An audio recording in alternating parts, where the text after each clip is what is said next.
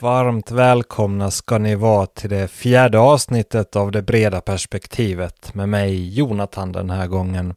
Theo kunde inte vara med så jag tänkte att jag får ta och spela in ett avsnitt ändå för att nu var det ett tag sedan och jag fick ett härligt meddelande av en eh, okänd lyssnare, i alla fall för mig, och frågade att vart det senaste avsnittet är, att det har gått en bra stund så tack för den påminnelsen där. Så i det här avsnittet tänkte jag prata om eh, GPS eller GNSS, om då mer i detalj hur noggrant det är när man faktiskt mäter in och lite aspekter på det hela.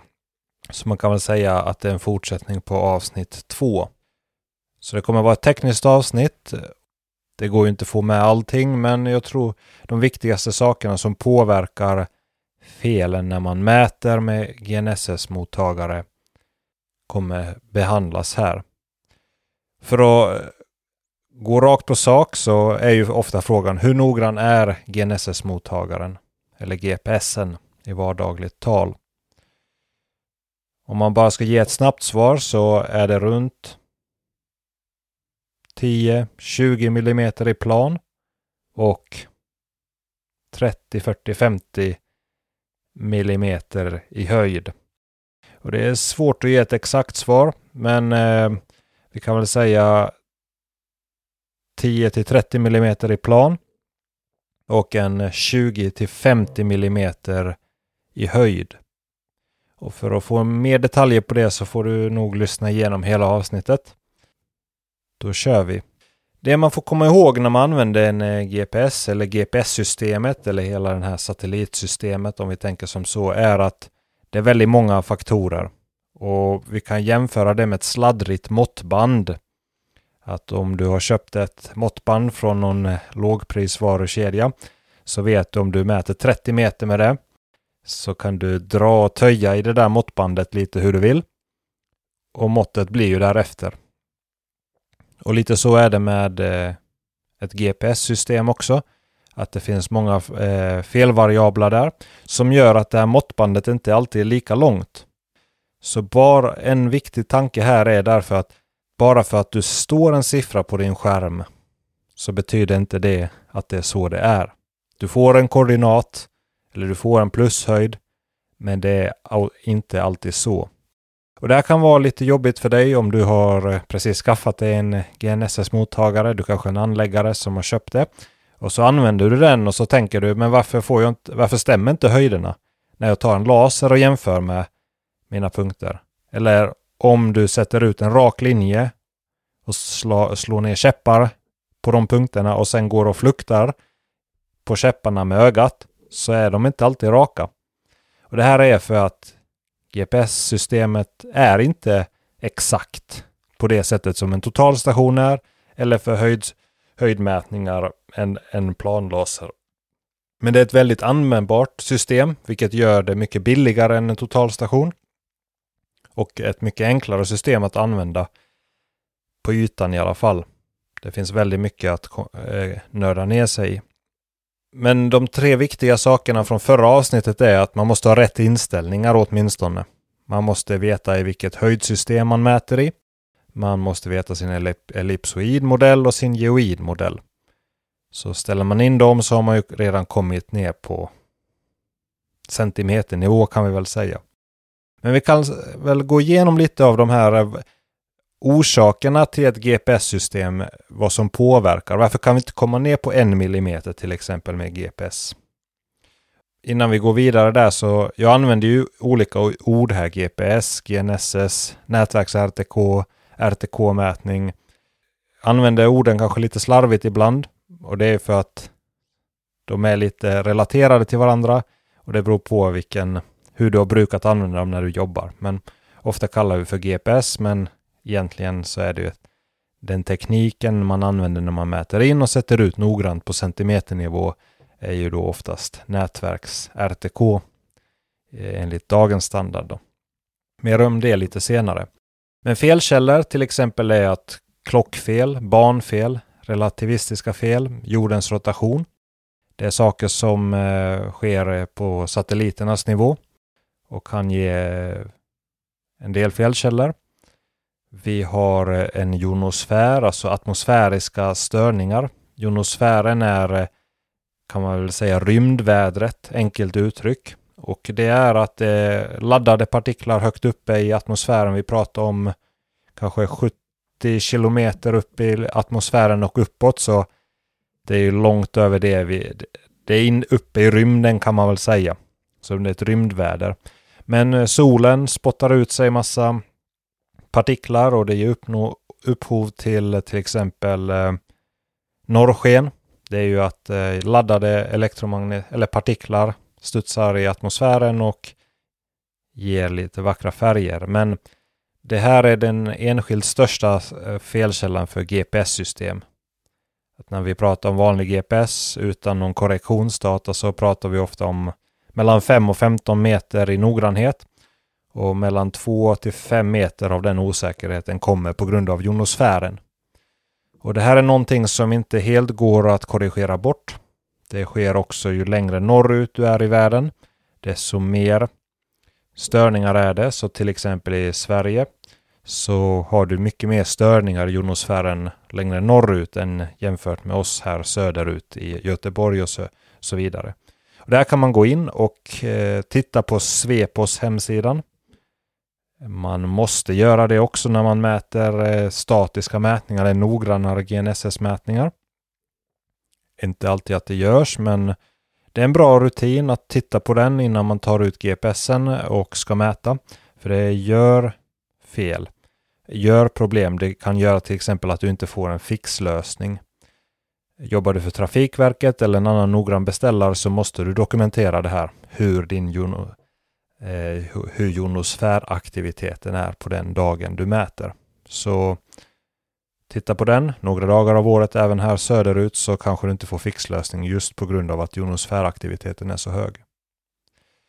Stannar vi kvar i atmosfären men ett snäpp närmare eh, till eh, till jorden så kommer vi till där vi tänker på som vädret. Det kallas troposfären och det är kanske en runt 7 till 17. Det finns lite olika siffror på det här så jag är inte någon expert på väder. Men eh, ja, mellan 1, 2, 3, 4 mil upp i luften är troposfären. Och här är det lufttryck, fukt och temperatur som påverkar mycket är det väldigt extrema väderförhållanden, till exempel ett väldigt kraftigt lågtryck eller en kraftig variation i, i väderförhållandena, att det är väldigt fuktigt, så kan det här också göra fel och rekommendationen är faktiskt att man inte gör mätningar då när det är extrem väderaktivitet, så det är bra att hålla koll på också. Det är också att under dagen så kan det vara är satelliterna faktiskt, eller GPS-signalen ungefär fem gånger mindre noggrann än om natten. Det var en intressant detalj som jag lärde mig också när jag läste på här lite om det hela.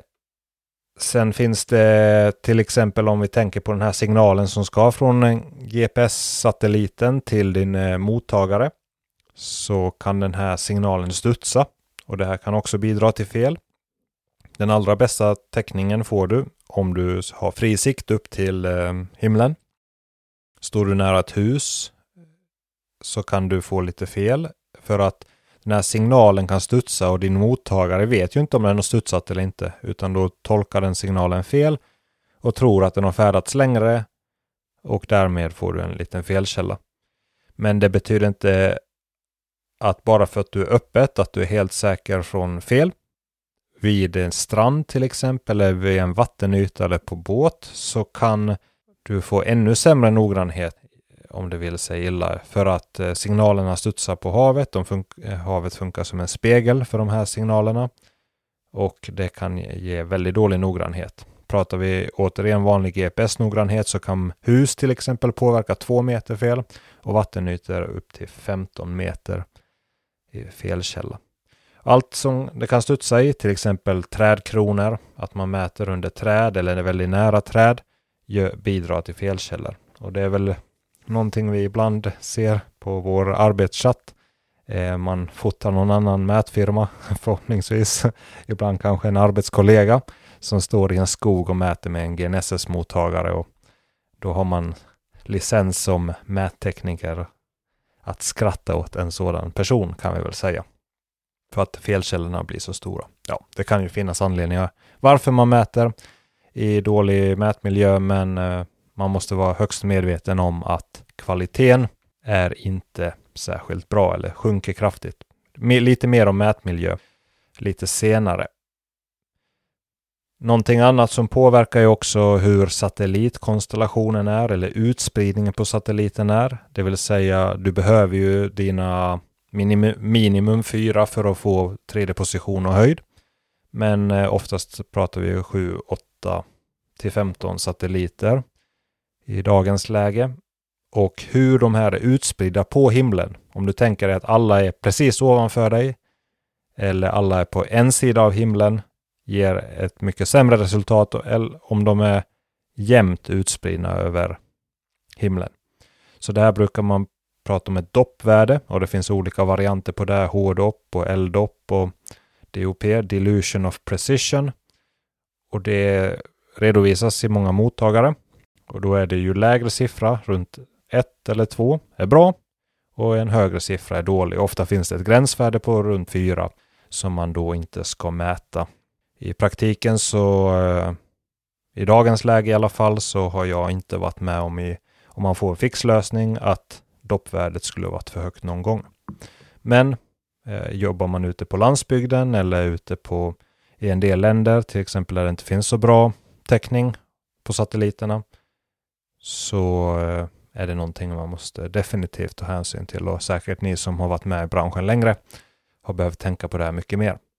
Så det är några felkällor och allting det här bidrar till att man måste till förståelsen kan vi väl åtminstone säga att det inte alltid är så noggrant. Men vi tar med oss det här att eh, titta rymdvädret, jonosfären, på Svepos hemsida. Tänk på sikten.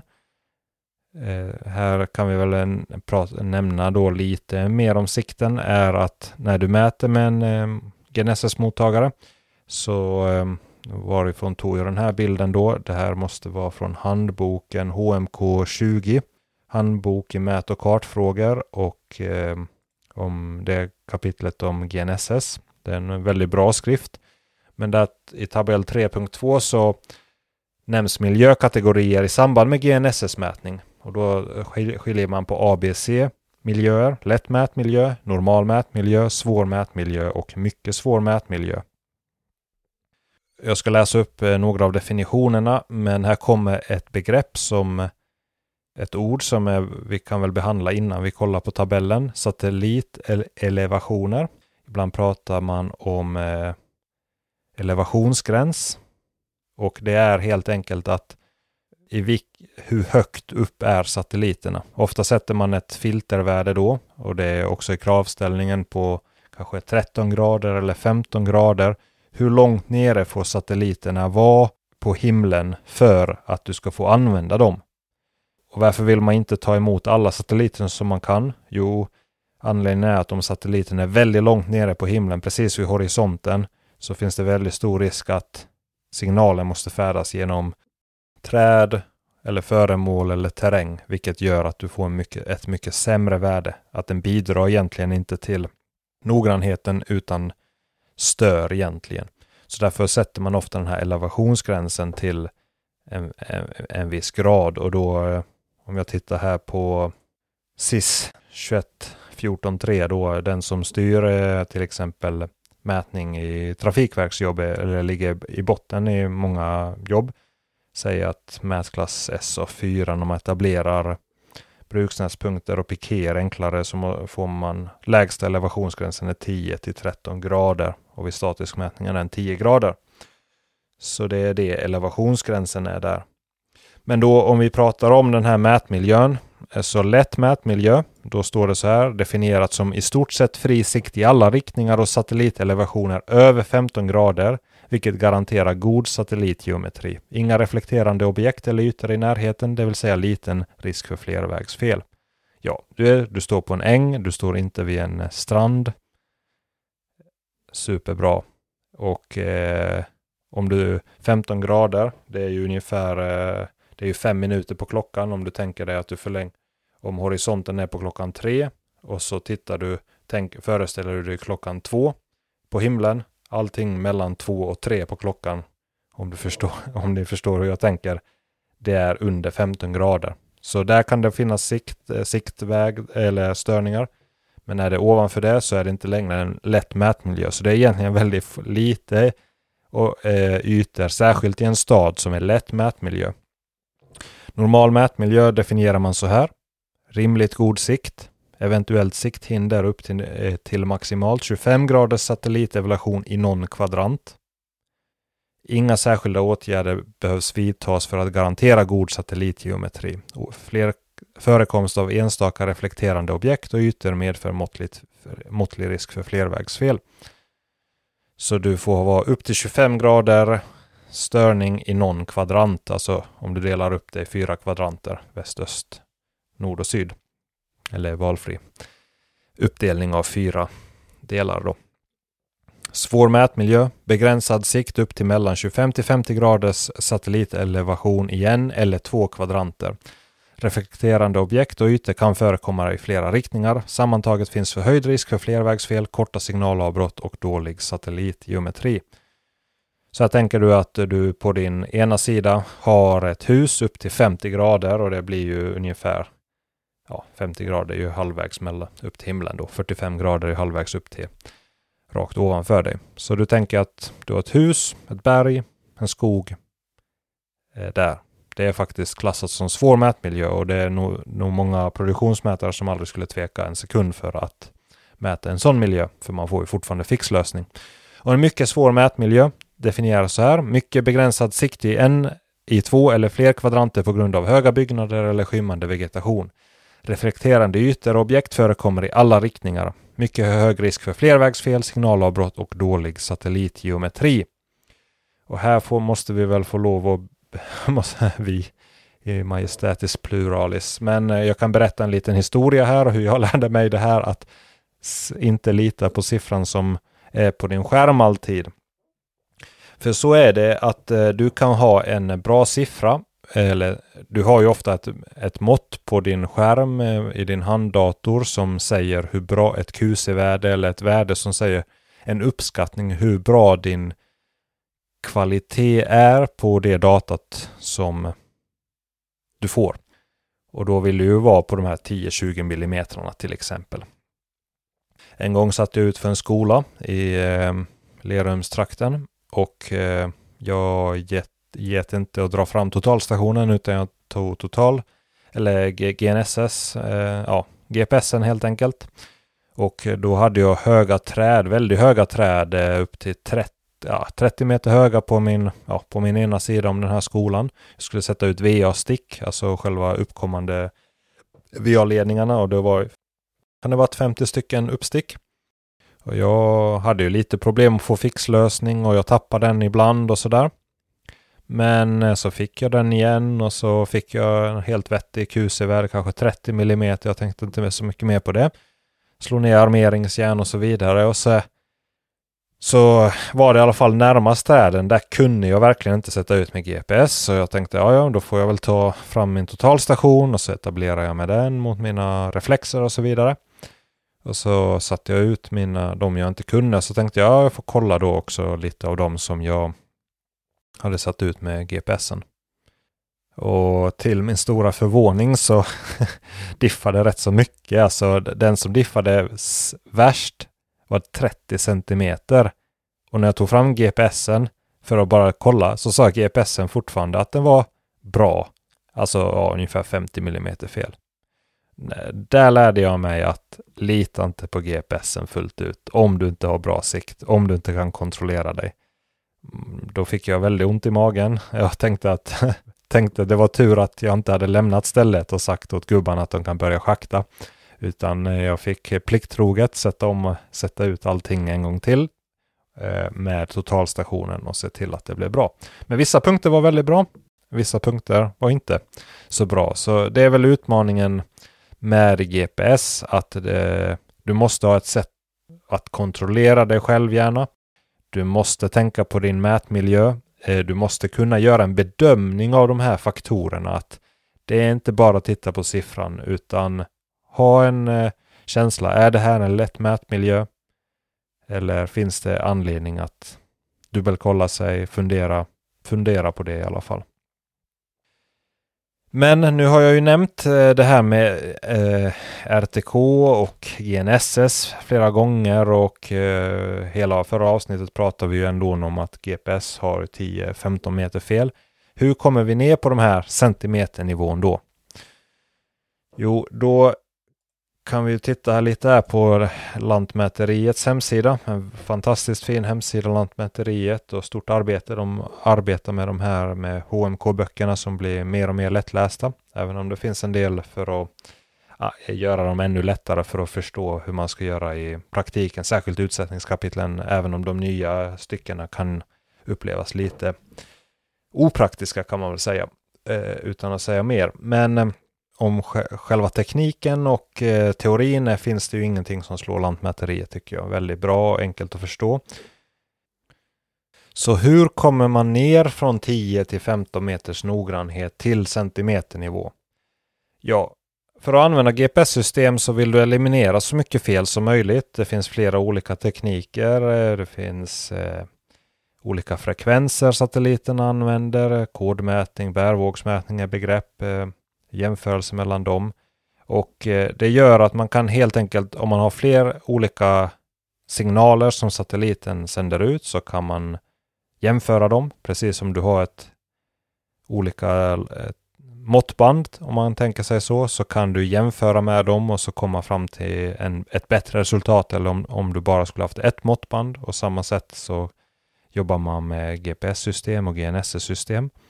Men eh, det man använder är att man kallar relativ positionering. I princip att du har två mottagare. Och ställer upp den ena mottagaren över en känd punkt och tar reda och då, då får du hela tiden, kan du räkna fram ett fel. Och så kan man skicka ut korrektionsdata till den mottagaren som rör sig, roven då. Och eh, ge sig att nej, just nu är det så här mycket fel, just nu är det så här lite fel och så vidare. Och då korrigerar du i realtid hur, eh, hur mycket fel eh, mottagaren har. Och, och du får, hamnar helt plötsligt på centimeternivån. Så det här, eh, så här gjorde man förr här och i till exempel i länder där man inte har ett, eh, ett nätverk som till exempel Lantmäteriet har Sveposnätet eller olika länder har ju olika sådana här system. Så måste du själv fortfarande ha två mottagare, ställa upp en på en känd punkt och sen ställa in den på att den skickar ut korrektionsdata. Men normalt sett så när man mäter idag med en nätverks-RTK så är man uppkopplad mot ett nätverk som, land, eh, som Svepos upprätthåller här då. Och eh, det blir som en virtuell referensstation. Du får korrektionsdata från det här nätverket via, dat via SIM, ditt SIM-kort i din GNSS-mottagare. Så du egentligen är uppkopplad mot ett mobilnät till Svepos och de har eh, referensstationer som sitter på kända koordinater och eh, då jämför de hela tiden sin plats mot den eh, plats, eh, eh, lokationen som satelliterna säger att den är i och skickar korrektionsdata till dig för att din mottagare ska veta vart den befinner sig. Utan att gå in djupare på det här, men tekniken kallas NRTK eller nätverks-RTK och man jobbar med en virtuell referensstation. Det här bygger ju på att du har datatäckning. Så har du, tappar du datat antingen eh, mobilnätet helt enkelt, så kan du inte mäta med den här tekniken. Så funkar väldigt bra i städer och i tätbebyggt område och liknande. Ja, där det finns data helt enkelt. Du förstår. Där det inte finns. Eh, det går ju väldigt fort, väldigt enkelt. Du får ett eh, väldigt bra data och ju tätare du har mellan de här referensstationerna, Svepos-nätet, desto noggrannare blir ditt data. Så nu börjar vi närma oss eh, det här. Hur, hur noggrant är det?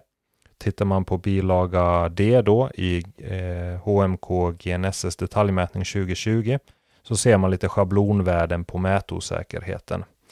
Och i ett 70 km nät, det vill säga att det är 70 km mellan de här referensstationerna, så är din höjdnoggrannhet eh, till exempel eh, 30 mm i en standardosäkerhet i höjd och i plan så är det 18 mm.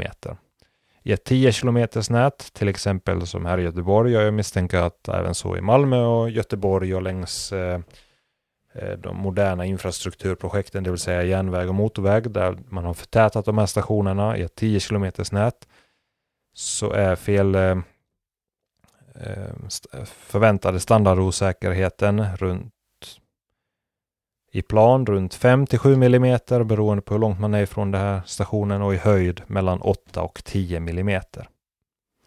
Är det hela svaret? Nej. Jag nämnde ett begrepp här, standardosäkerhet och hur, hur man förklarar det på ett enkelt sätt har jag inte kommit på än, men det kommer komma säkert ett avsnitt någon gång om det här med statistik. Men nu enkelt uttryckt så kan man säga att nästan alltid när du hör en siffra om någonting om hur noggrant det är så uttrycker man det i standardosäkerhet eller en sigma eller en standardavvikelse. Men det är inte den siffran du använder i verkligheten. Det är bara hur sannolikt det är att siffran stämmer i 68 procent av fallen, två, ungefär två tredjedelar av fallen.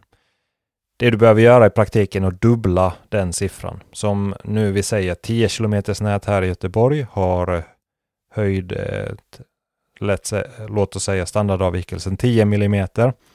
Så behöver du dubbla siffran, då är det 20 mm som din faktiska användbara 2 sigma eller utö täckningsfaktor 2 eller utökad standardosäkerhet är. Och det är den siffran du egentligen kan använda. Att eh, det är den 95-procentiga sannolikheten att det värdet du ser på skärmen är det faktiska, stämmer överens med, om vi får kalla det, sanningen, även om man inte uttrycker det så oftast. Ja, det är ett helt fält i sig själv, men tänk på det att eh, det anges i, i standardavvikelse. Du måste alltid dubbla värdet i i princip all mätutrustning som du stöter på, totalstation eller GPS eller eh, pipetter eller om du mäter volymer eller vikt eller så vidare. Oftast anges standardosäkerheten. Och sök gärna där på Youtube. Jag skickar med en liten länk på en liten kurs om standardosäkerhet. Väldigt nyttigt att lära sig och förstå. Men det är ju då inte heller hela sanningen utan då är det ju vad det här systemet och GPS-systemet har. Därtill tillkommer Eh, ellipsoidens eh, noggrannhet och även geoidens felkälla. Så i bästa fall höjd blir 20-30 mm användbart. Diff då i Göteborgstrakten och upp till 50-60 mm ute i skogen. Eh, och i plan så ungefär hälften. Så man säger att plan är dubbelt så noggrant som höjd. Och höjden brukar vara 30 till 60 mm.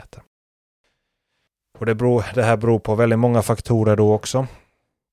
Och det här beror, hänger också på att du har en rätt kalibrerad utrustning. För det, till det här så har vi inte tagit hänsyn till till exempel i plan hur du centrerar din stång. Du har en stång som är två meter hög.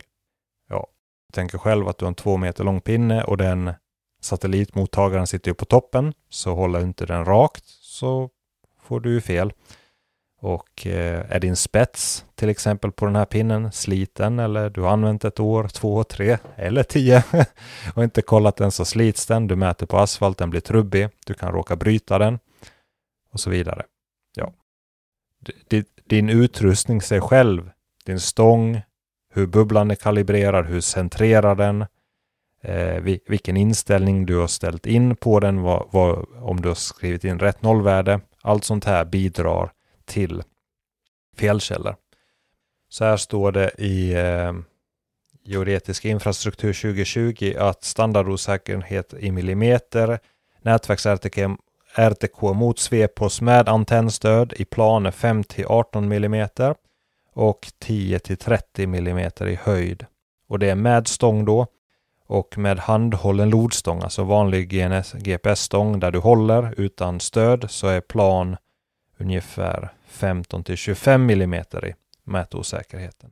Det är ju också en grundläggande sanning att ju mer du viftar på den, eller ju mindre du viftar på den, desto noggrannare blir det. Och då kan vi väl eh, ta in lite en annan anekdot här, där jag lärde mig det. det man har ju en väldig frestelse att eh, mäta fort och eh, man kan ju också ställa in medelvärdesbildning. GPS bygger ju ofta på att du, ju längre du mäter på en punkt, desto noggrannare blir det. Så även om eh, man kan mäta en punkt en gång så kan du också ställa in eh, mottagaren så att den medelvärdesbildar punkter, att du står till exempel där i fem sekunder och den tar alla de punkterna och gör ett medelvärde av dem. Det här utnyttjar man till eh, när man gör sådana här utgångspunkter, Eh, anslutningspunkter och brukspunkter så använder man stat eh, statisk GNSS-mätning. Man ställer, sätter upp dem på ett stativ och så vidare. Och då kanske man mäter i flera timmar på samma punkt för att få väldigt bra resultat. Men oavsett när man mäter in eller sätter ut så ska man medelvärdesbilda och det här är kanske inte alla känner till. Och läser man då i GNSS-mätning i kapitel 4 i det dokumentet sägs så här mätmetodik eh, att detta avsnitt innehåller en generell beskrivning av mätmetodik samt några vanliga tillämpningar. Att metodiken anpassas till uppdragskraven och de rådande förutsättningarna för att få en lämplig balans mellan kvalitet och produktivitet. Men här står det som krav att inmätning med RTK ska utföras statiskt eh, eller som stop and go baseras på minst fem medeltalsbildade 3D-positioner och inkludera tidsstämpel. Eh, så stop and go betyder ju att du inte är i rörelse med eh, roven då, mottagaren. Helt enkelt att du inte fortsätter att gå. Det är, det är väldigt frestande att man går längs en vägkant då, och så klick, och så går man hela tiden så klick, klick, klick, klick. Och då blir det ju inte den här noggranna, så noggrant som det skulle kunna bli. Utan när man stannar upp, centrerar och medelvärdesbildar så blir noggrannheten mycket bättre. Det här lärde jag mig på ett litet eh, projekt. Jag mätte in en eh, liten rastplats och eh, jag hade väldigt bråttom och det fanns ingen budget för mätning som vanligt där. Och då hade jag en GPS-mottagare med mig. Egentligen skulle jag inte mäta någonting men jag tänkte ja, jag får mäta in lite grejer ändå när jag är där. Men så gick jag en liten yta och så kom jag till samma punkt som jag började. Och då gick jag hela tiden och jag medelvärdesbildade ingenting här. Och jag mötte ju flera ytor då, till exempel plattsatta ytor som möter varandra från varsitt håll och flera kantstenar och så vidare. Och så när jag tittar på datat, sen när jag kommer till kontoret, så jag vet ju att jag mätte, jag kommer ihåg att jag mätte platta mot platta eller på samma punkt. Men det diffade 10 cm i plan. Vilket var helt sjukt. Men det är ju för att man inte gör stop and go. Det är för att man inte stannar upp på punkten och eh, man inte medelvärdesbildar. Och medelvärdesbildar man bara, eh, liksom, även om man skulle gjort tre gånger eller fem gånger, egentligen spelar ingen roll, det tar tre sekunder eller fem sekunder. Så. Men bara det gör ju att den förkastar värden automatiskt som inte stämmer överens med det andra och det gör att du måste stå still för att den ska spara värdet. Så har du inte det redan nu så rekommenderar jag det, all, det allra starkaste att gå in, sätt det på fem medelvärden som det är rekommenderat. Det går lite långsammare, men det blir mycket bättre för den som faktiskt ska använda mätdatat. Och det är väl om jag får slänga in en liten rant där, att, att egentligen att mätaren, att det tar lite längre tid för mätaren, vad spelar det för roll? Det datat används sedan genom hela projektet. Om det tar en dag eller två dagar att mäta det spelar troligtvis ingen större roll i ett stort projekt. För det handlar om väldigt mycket pengar, eh, om det blir projekteringsfel, volymer som blir fel och så vidare. Så använd rätt sätt, gör det på rätt sätt. Använd hellre mer tid än att göra en slarvig inmätning. För det är då du är ögonen för projektörer och för volymberäkningar och så vidare. Så jag vet inte om vi ska gå in mer här nu. Nu har jag pratat och börjat bli hes i halsen, så pratat i en halvtimme i alla fall, 40 minuter här. Vi smög ju in här i slutet på eh, noggrannhet och lite best practices så det lär få, få bli ett avsnitt till om det här. Men eh, det jag tycker man ska ha med sig av det här avsnittet är att förstå att systemet är komplext. Det finns väldigt många felkällor och det handlar egentligen inte om att kunna förklara exakt hur bärvågorna funkar och vilka signaler, hur klockorna funkar och atomklockor hit eller dit. Men att förstå de huvudsakliga felkällorna, att eh, rymdvädret spelar roll. Det spelar roll att eh, hur vädret är ungefärligt, hur mätmiljön är, hur du medeltalsbildar, att det finns felkällor i, i systemet gör att du kan ha flervägsfel. Och såklart hade vi det med hur noggrann är en GPS? Ja, det långa svaret är ju, eller det korta svaret, beroende på hur man vrider och vänder på det. Det beror på. Men gör du allting rätt så kan du komma ner på 10-20 mm i plan med bra förhållanden. Och kanske 20-30 mm i höjd upp till 50-60 mm i höjd. Så det beror på helt på hur du använder det, hur bra din utrustning är skött och vart du befinner dig i landet. Allt sånt här gör att du förstår att du måste tänka till innan du mäter. Och allt det här när du förstår vad du arbetar med ingår ju i det här med god mätsed. Och, och det handlar inte så mycket om vilken mätmetod eller mätutrustning det handlar om, utan om det är måttband eller GPS eller totalstation eller en laser så handlar god mätsed om mer eller mindre allmängiltiga metoder. Och det handlar ju till exempel då om att både siffran du tar fram, produktionsresultatet, är lika viktigt som dokumentationen kring det. Att en mätning är ingen mätning. Du måste kontrollera dig själv. Ordning och reda, dokumentera, du glömmer, dokumentera för dig själv och så vidare. Det här är några principer från eh, det som kallas god mätsed som är med i en bilaga, i, som en sista bilagan i väldigt många av HMK-dokumenten. Men med det sagt så vill jag tacka för att ni lyssnat och tagit er här till slut. Har ni frågor så skicka frågor. Jag har fått meddelande på LinkedIn. Landskaparen.se min hemsida. finns lite artiklar där. Du kan nå mig på jonathanlandskaparen.se titta in Youtube-kanalen där landskaparen finns lite filmer. Kommer väl komma där lite fler med tiden också. Det här var GNSS-mätning del 2, felkällor.